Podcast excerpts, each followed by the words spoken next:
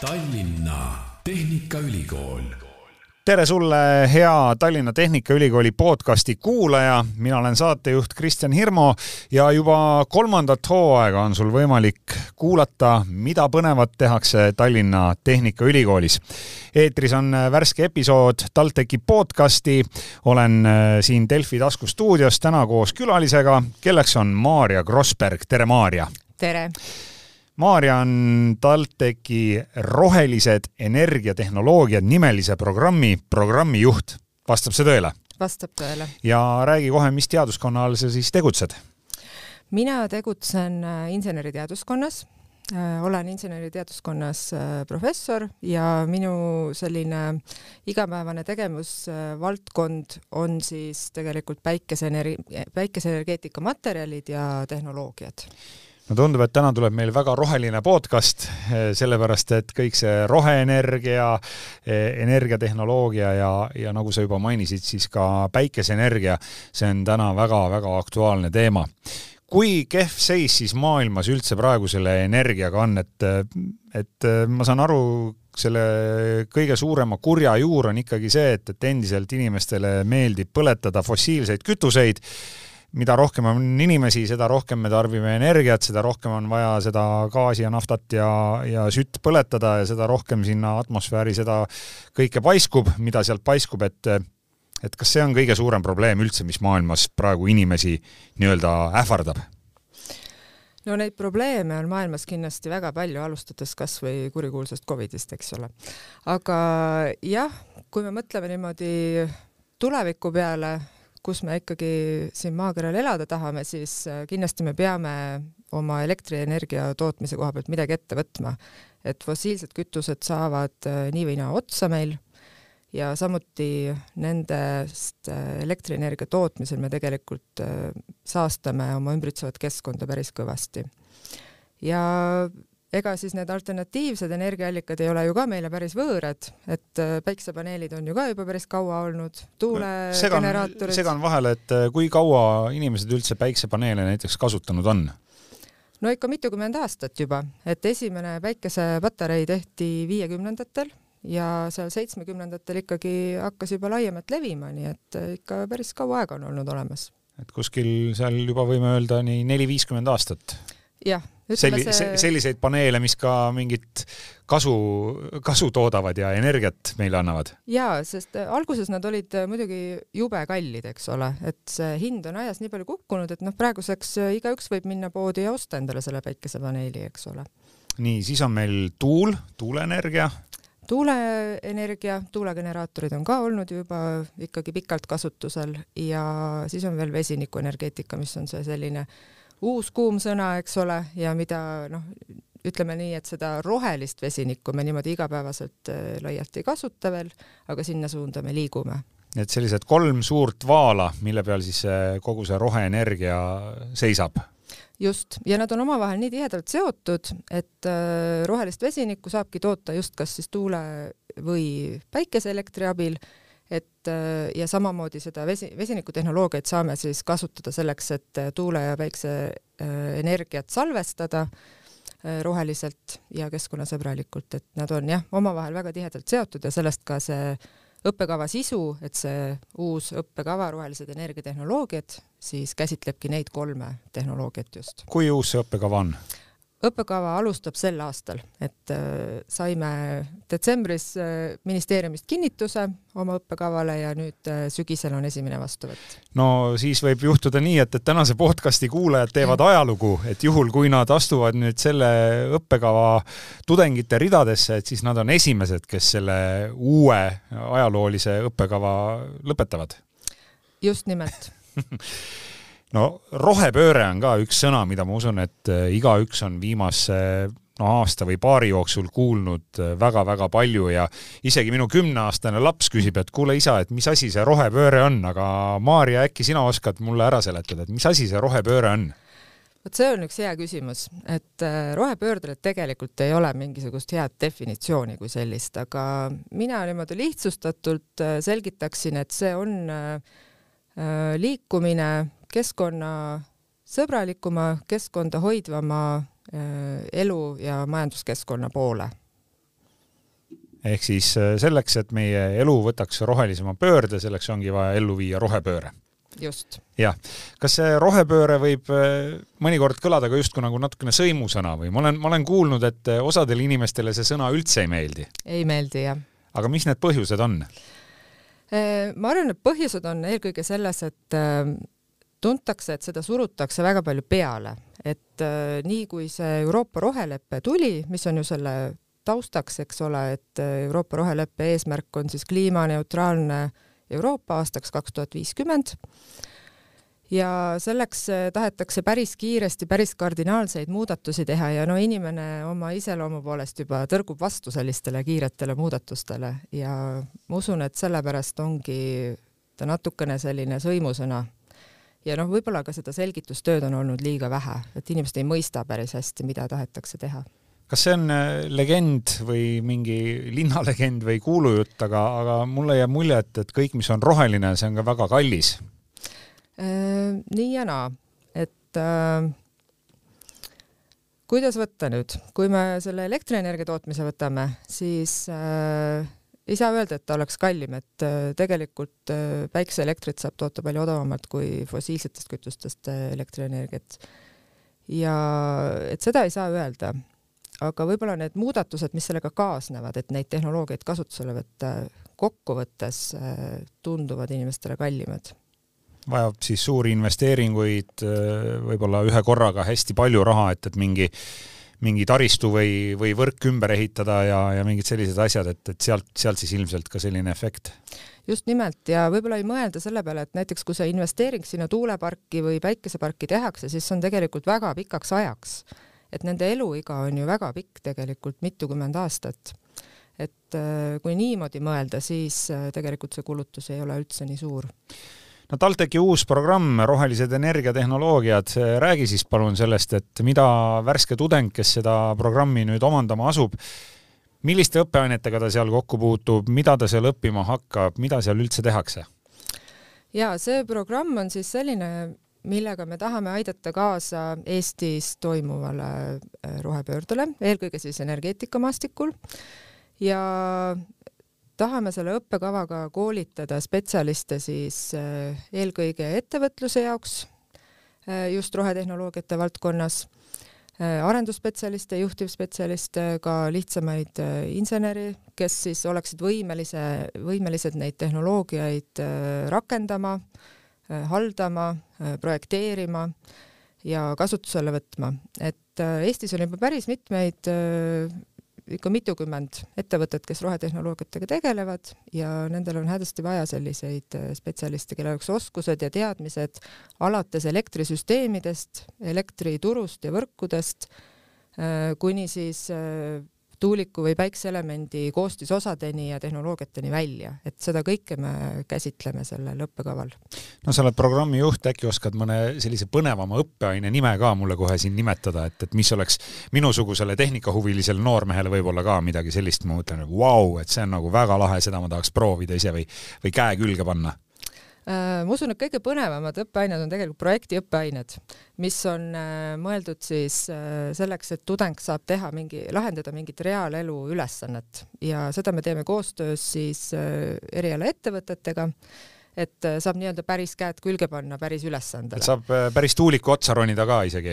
no vot niimoodi ma ei oska midagi lubada aga see sõltub sellest ülesandest, mis välja pakutakse, aga noh, enne seda muidugi tuleb siis omandada teadmised Äh, äh, vesinikutehnoloogiatest, tuulegeneraatoritest, äh, elektrivõrkudest, natukene füüsikat, natukene inseneritarkvaradest teadmisi, natukene keemiat, et kõike seda on vaja selleks, et just seal tehnoloogiamaailmas hakkama saada. et sisseastumiseks selline vajalik baas võiks olla ikkagi tugevus reaalainetes see on väga suur esseed ei ole vaja kirjutada sisseastumiseks? ei ole, et äh, reaalainetes tugevus on äh, väga suur pluss, aga samas me oleme selle õppeprogrammi niimoodi kokku pannud, et äh, alus- ja põhiõppeained sisaldavad selliseid valikaineid, kus inimene saab ise täiendada ennast vastavalt, kust tal need puudujäägid on. et näiteks kui ta tahab äh, sinna päikeseenergeetika suunale minna, siis ta peab teadma midagi pooljuhtmaterjalidest, sest äh, põhielemendid päiksepaneelis on pooljuhtmaterjalid ja kui need teadmised seal bakalaureuse tasemel puuduvad, siis äh, on võimalus võtta pooljuhtmaterjalide õppeaine kohe esimesel semestril ja nii-öelda see tagasi teha, et äh, või järgi võtta siis kuidas sa ise sellise valdkonna juurde üldse jõudsid? ma tean, et äh, sinu suur kirg nendest kolmest, äh, tuul, päike, vesinik, on siis see keskmine päike. jaa. et kuidas, kuidas sina jõudsid päikseenergiani? mina jõudsin niimoodi, et ma ise läksin õppima Tehnikaülikooli tehnilist füüsikat ja päris seal bakalaureuseõppe lõpus mul tekkis väga suur huvi äh, just materjalide füüsika vastu ja sattusin äh, juba oma lõputööd tegema päikseenergeetika laborisse, et äh, päikseenergias, tähendab päikesepaneelides kasutatavate materjalide füüsikalisi omadusi siis uurida. ja edasi magistrantuuri ja doktorantuuri ma läksin juba materjaliteadusesse nii et sinu süda kuulub siis jäägitult praegu ainult päikesepaneelidele? ei kuulu jäägitult, et mind huvitavad äh, erinevad materjalid, et äh, mitte ainult see. Äh, kui suur osa nendel materjalidel üldse nende uute roheliste energia mm, saamise mooduste juures on, et, et kas tuleb täitsa mingeid uusi materjale ka leida, võtta neid kasutusele või, või piisab juba olemasolevatest? Jaa, tegelikult päris suur äh, suund ongi just nende uute materjalide leidmisele.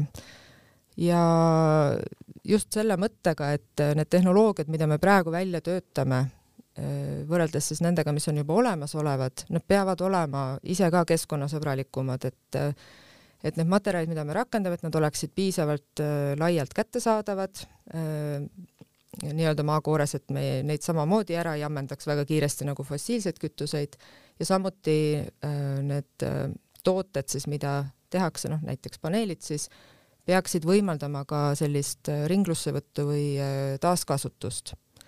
et kõik liigub nagu selles suunas ja tegelikult sellel õppekaval ka me toome sisse terve õppeaine, kus me räägime siis energiatehnoloogiate elutsüklist et alates sellest, kui hakatakse looma mingisugust äh, seadist ja kuni selleni, mis tast siis lõpus saab. et ilma nende teadmisteta kahjuks tehnoloogiaettevõtlust on väga raske teha tänapäeval.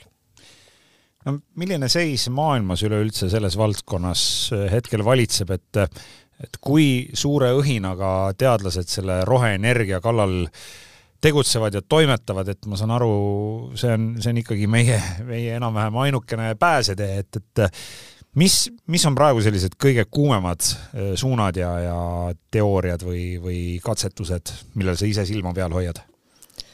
Ehm, no ütleme, kõik need rohetehnoloogiad on muidugi väga kuum teema, et äh, tegeletakse väga palju, suunatakse ka palju äh, teadusraha sinna ja ka ettevõtluse poole pealt, aga no mina saan rääkida nendest kuumadest suundadest just päikseenergeetika poole pealt ja seal on äh, vast kõige selline intensiivsem teema hetkel tandem päikesepatareid, mis, äh, mille puhul siis pannakse mitu erinevat äh, päikeseelementi nii-öelda kokku, et saada palju kõrgemaid efektiivsusi, kui praegused tehnoloogiad võimaldavad. et see on selline üks põnev suund, millel silma peal hoida ja ise kaasa lüüa. no sa mainisid ka juba jutu alguses, et tegelikult päiksepaneele inimesed tunnevad päris mitukümmend aastat, et mind huvitab lihtsalt see, et, et kas nende efektiivsus siis ajas on samamoodi kasvanud, et saame piltlikult öeldes väiksema paneeliga rohkem energiat? jaa, on küll kasvanud ja just need praegu arendatavad, need tandemtehnoloogiad võimaldavad seda veelgi oluliselt kasvatada et äh, jah, et väiksema ala pealt saada rohkem energiat. no naljahambad muidugi võivad öelda, et äh, meil siin Eestis, hea küll, täna vaatame aknast välja, et isegi natukene on päikest, aga aga ilm on selline, et, et äh, pool aastast on meil siin äh, pime ja pilves, et, et kui palju Eestis või sellises Eesti-suguses riigis või meie regioonis nendest päikesepaneelidest siis tegelikult kasu on? On väga palju kasu ja meie tingimused on samasugused nagu Põhja-Saksamaal näiteks, et äh, äh, võib-olla see on selline müüt ka natukene, et äh, kui päike üldse, noh, päikest ei ole või ta on pilve taga, et siis päikesepaneel ei tööta, et tegelikult töötab päikesepaneel väga hästi ka hajunud kiirgusega. et see ei vasta päris tõele, aga selleks, et nüüd päris sellisel pimedal ajal hakkama saada, ongi kasulik kombineerida erinevaid tehnoloogiaid et näiteks tuule- ja päikeseenergiat.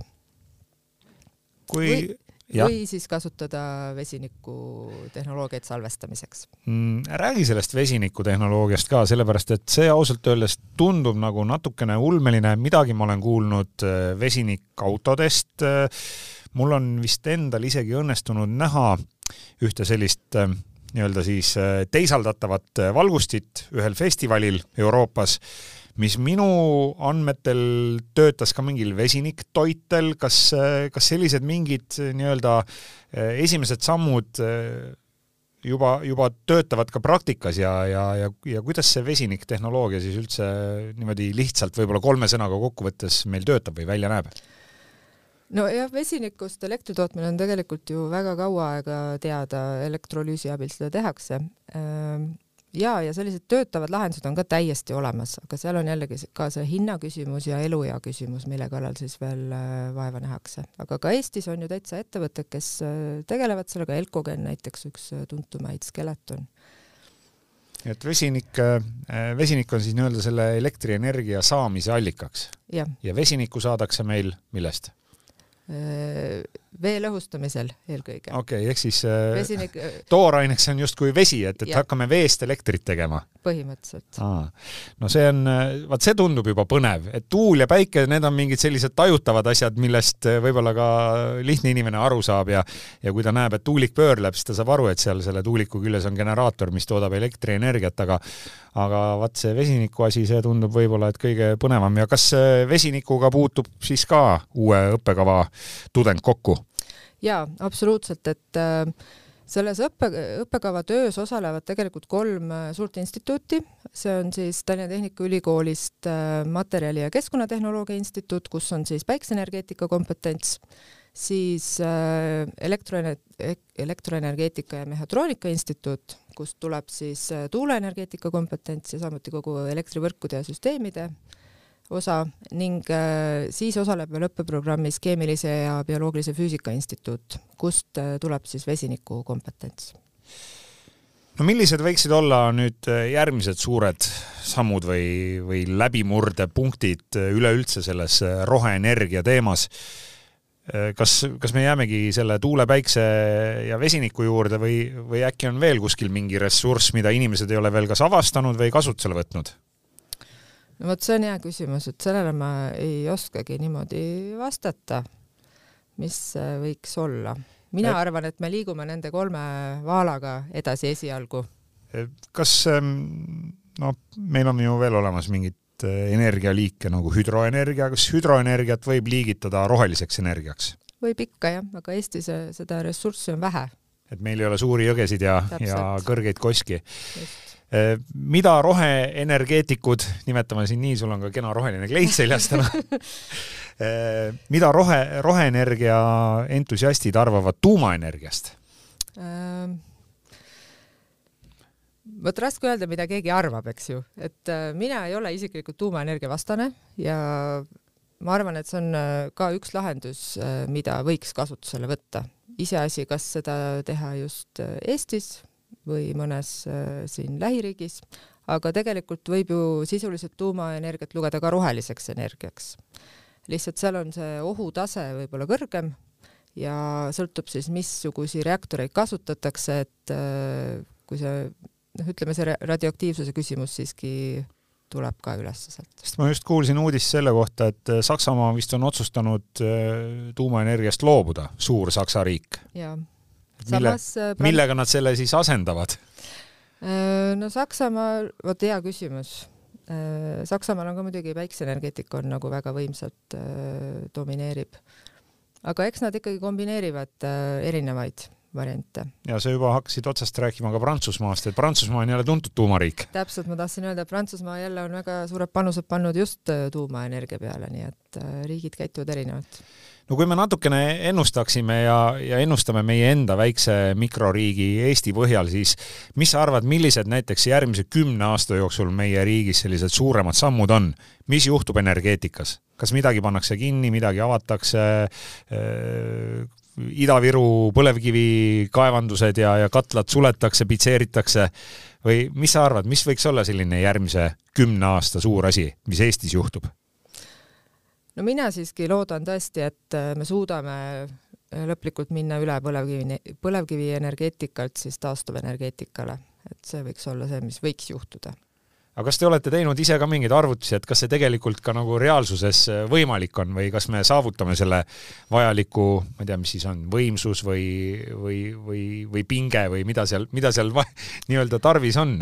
ja need tootmisvõimsused tegelikult on võimalik saavutada, kui äh, Eestis äh, nüüd saavutatakse see läbimurre, et lastakse ehitada tuuleparke, sest äh, tuulepargist saadav võimsus on ikkagi megavattides, eks ole, kui me räägime päiksepaneelidest, me räägime kilovattidest, et äh, ilma tuulegeneraatoriteta see ei ole võimalik, aga noh, me teame, et Eestis on päris palju vastaseisu nendele, et äh, sellest tuleb üle saada see, see kõlab umbes nii, et, et äh, need tuulikud on väga lahedad, aga paluks mitte minu aia taga no,. täpselt, mitte minu tagahoovi, eks ole. jah äh, no päikesepaneele saavad ju eratarbijad ka endale paigaldada ja, ja väga palju kodumajapidamisi on seda ka juba teinud, siin on makstud ka toetusi ja, ja on igasuguseid toredaid projekte ja programme, mille käigus on inimesed endale päikeseenergia tootmiseks vajalikke seadmeid saanud soetada aga kas võib juhtuda, et äh, kunagi hakkavad meie kodudes ka mingid väiksed tuulikud surisema või, või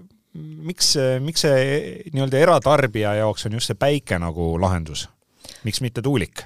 Äh, tegelikult on eratarbijatel ka tuulikuid, et see ei olekski nagu ainulaadne enam, aga mulle tundub, et see päikese elektri tootmine on kuidagi nagu lihtsam või mugavam see lahendus võrreldes tuulikutega, et kas või hooldusküsimuste mõttes, et päiksepaneeli vaja õieti mitte mingisugust hooldust, et äh, tuulegeneraatoril on siiski ka mingid liikuvad osad, seal on vaja rohkem äh, seda hooldustööd ka teha. on vaja õlitada ja no,, ja laagreid kontrollida. no enam-vähem niimoodi jah et äh, võib-olla see on see küsimus ja kahtlemata ta, teda on ka ebamugavam paigutada nii-öelda oma tagahoovi kuskile no sa juba mainisid seda, et äh, Euroopa Liit on tegelikult võtnud vastu ju, kas on võtnud vastu otsuse või see on mingi, või see on mingi selline idee? ei, see on ikkagi nagu vastu võetud rohelepe, jah. rohelepe, et äh, aastaks kaks tuhat viiskümmend äh, peab kogu Euroopa Liit olema siis süsinikneutraalne ehk rohelise energia peal, ehk siis ükski korsten ei tohiks enam elektri tootmiseks kuskilt ossata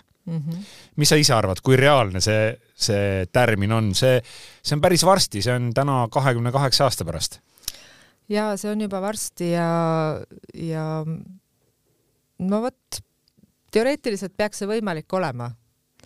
aga milliste kust tuleb see raha, ma tahaks teada. just, et kust tuleb see raha ja me peame alati ka arvestama, mulle hästi meeldib, et Maive Rutte kunagi ütles, et mitte kunagi, vaid päris hiljuti ühel seminaril ütles, et rohepööret ei saa teha puulehtedega.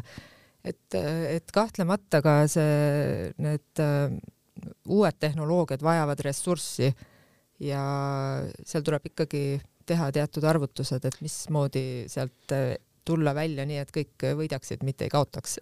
no raha rahaks, kui on vaja, siis me leiame selle raha, aga ma ütlen, et rahast palju olulisem on ikkagi inimesed ja inimesed võiksid siis tulla Tallinna Tehnikaülikoolist, eks ju, TalTechist. Need inimesed, kes äh, saavad, kellel on teadmised, et selles valdkonnas tegutseda ja ja mis me nagu väga loodame, on just, et äh, vastava valdkonna tööstust siin Eestis nagu edasi arendada, et äh, kogu selle rohepöörde puhul ei viiks me nii-öelda Eesti raha väljapoole, et äh, osta kõike sisse, vaid teha siin kohapeal, sest ideid on ja ja Eestis võiks rohkem olla selle valdkonna kõrgtehnoloogilist tööstust. ja nagu sa mainisid, siis Eestis neid ettevõtteid, kes praegu praegu juba roheenergia ja energeetika valdkonnas tegutsevad, neid on palju, nii et eh, tundub, et tulevastel tudengitel, hilisematel vilistlastel, et neil tegelikult tööpõld on lai. jaa, on ikka. ja mitte ainult eh, erasektoris, vaid võib-olla ka kuskil avalikus sektoris, riigi, riigiaparaadi juures absoluutselt, et ka avalik sektor vajab inimesi, kellel on natuke ka tehnilisi teadmisi. Ja, ja oma õppekaval me õpetame tegelikult ka tehnoloogiaettevõtlust, mis äh, samuti võiks anda sellised teadmised, et äh, meie lõpetaja võiks ka ise oma äh, ideid ellu viia. Ja näiteks tehnoloogiaettevõttele rohetehnoloogiate valdkonnas aluse panna no üks aastanumber, ma tahaks veel selle välja käia ja see on nüüd natukene lähemal kui see kaks tuhat viiskümmend. nimelt aastaks kaks tuhat kolmkümmend viis on lubanud ka TalTech ehk siis Tallinna Tehnikaülikool nii-öelda saada täiesti roheliseks ja süsinikneutraalseks, et räägi paari sõnaga, mis lubadus see on või mis programm see on? Jaa, eks me liigume sellesama roheleppe eesmärgi suunas ja alustas ju septembris äh, Tehnikaülikoolis tööd ka roheleppe prorektor Helen Sooveli-Sepping. ja no seda täpset plaani pannakse veel kokku, kuidas me selleni jõuame aga ma ise näen, et üks äh, väga suur väljakutse saab olema ülikooli peahoone äh, nii-öelda kas siis renoveerimine või süsinikuneutraalseks muutmine, sest tegemist on ikkagi päris vana hoonega juba. Et äh, seal on seda tööd kindlasti nii et tulevikus peaks siis nii soojus kui valgus, mis Tallinna Tehnikaülikoolis ära tarbitakse õppetöö käigus, et see peaks kõik olema siis pärit roheenergiast? ideaalis peaks ja. see nii olema. kas panete, panete endale ka paneele ja tuulikuid ja, ja mingi väikse vesinikugeneraatori kuhugi keldrisse põksuma? nii see võiks olla kui, kui selle vesiniku juurde veel tagasi tulla, kas mm, see, see tehnoloogia võib ka olla selline, mis jõuab kunagi siis nii-öelda kodumajapidamistesse või see jääb ikkagi suurtootmistesse? ei, see jõuab kindlasti ka kodumajapidamistesse ja noh, kütuseelemendid ja erinevad äh, seadised on juba ju tegelikult ka kasutusel, et äh, jällegi seal on võimalus liikuda efektiivsemate, äh, kestvamate ja keskkonnasõbralikemate tehnoloogiate poole Tallinna Tehnikaülikoolis täiesti uus programm, rohelised energiatehnoloogiad ja selle programmi juht Maarja Krossberg täna TalTechi podcastis külas, noh sa ise oled ju tegelikult ikkagi läbi ja lõhki teadlane. Ja, ja sa oled saanud palju erinevaid tunnustusi ja sa, sa oled ka Eesti Noorte Teaduste Akadeemia president. et nii on. et kas see kas see teadus ei ole natukene selline sõna, mis võib äkki noore ära ehmatada, et, et et ma ei taha teha teadust, ma tahaks teha mingit päris asja või, või täna ongi nii, et, et see teadus ja, ja päris asi, et need on kuidagi omavahel hästi põimunud? ma ütleksin ka, et nad on igapäevaselt nii palju seotud, et kõik teadlased, noh, mitte päris võib-olla kõik, aga valdavas enamuses siiski teadlased äh, tegelevad ikkagi reaalelu küsimustega ka ja teevad igapäevaselt äh, ettevõtetega koostööd et äh, ma isegi ei kujuta ette, et sellises väga praktilises valdkonnas äh, olla ainult teaduses, äh, siis nagu kaob selline reaalelu pilt ära. et teadus on väga põnev, et ükski päev ei ole samasugune nagu eelmine päev ja mulle meeldib see võrdlus, et teadlase töö on nagu detektiivi töö, et sa pead kogu aeg lahendama selliseid põnevaid ülesandeid ja kui tehtud saad, siis on väga hea tunne. jah, sest ega muidu ilmselt sinu kui me veel sinu valdkonna peendetailidesse läheksime, siis ega selleks valdkonnaks ei oleks päiksepaneelid, mis on painduvad, sellepärast et siiamaani me ju teame kõik, et päiksepaneelid on ikka sellised tugevad ja, ja, ja ja kõva, kõvast mhm. materjalist nii-öelda, et, et sinu, sinu selline uu-, uurimus või, või teadustöö käib siis just painduvate päiksepaneelide üle?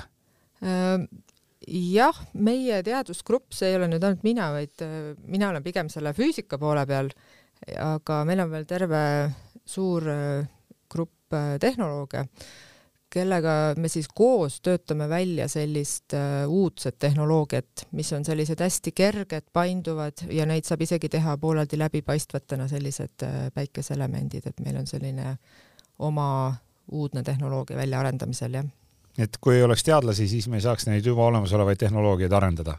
ei saaks muidugi eh, mul on veel silma jäänud, et kas eh, TalTechi juures eh, tehti ka, tehti ka mingit päikseenergial sõitvat sõidukit, masinat või oli see kuskil teises ülikoolis? Äh, jaa, selline projekt nagu Solar Ride on olemas ja see ei ole nüüd TalTechi projekt, vaid see on selline ühisprojekt Maaülikooli, Tartu Ülikooli ja Tallinna Tehnikaülikooli vahel. selline siis... ülikoolide ülene projekt? jaa, kus siis äh, tudengid põhiliselt löövad kaasa ja Ehit, ehitavad päikeseautot. ja see, kas see auto käis siin ju ka kuskil Eestist väljaspoolgi pro-, proovisõitu tegemas või mõõtu võtmas teiste omataolistega, nii et täpselt, käis.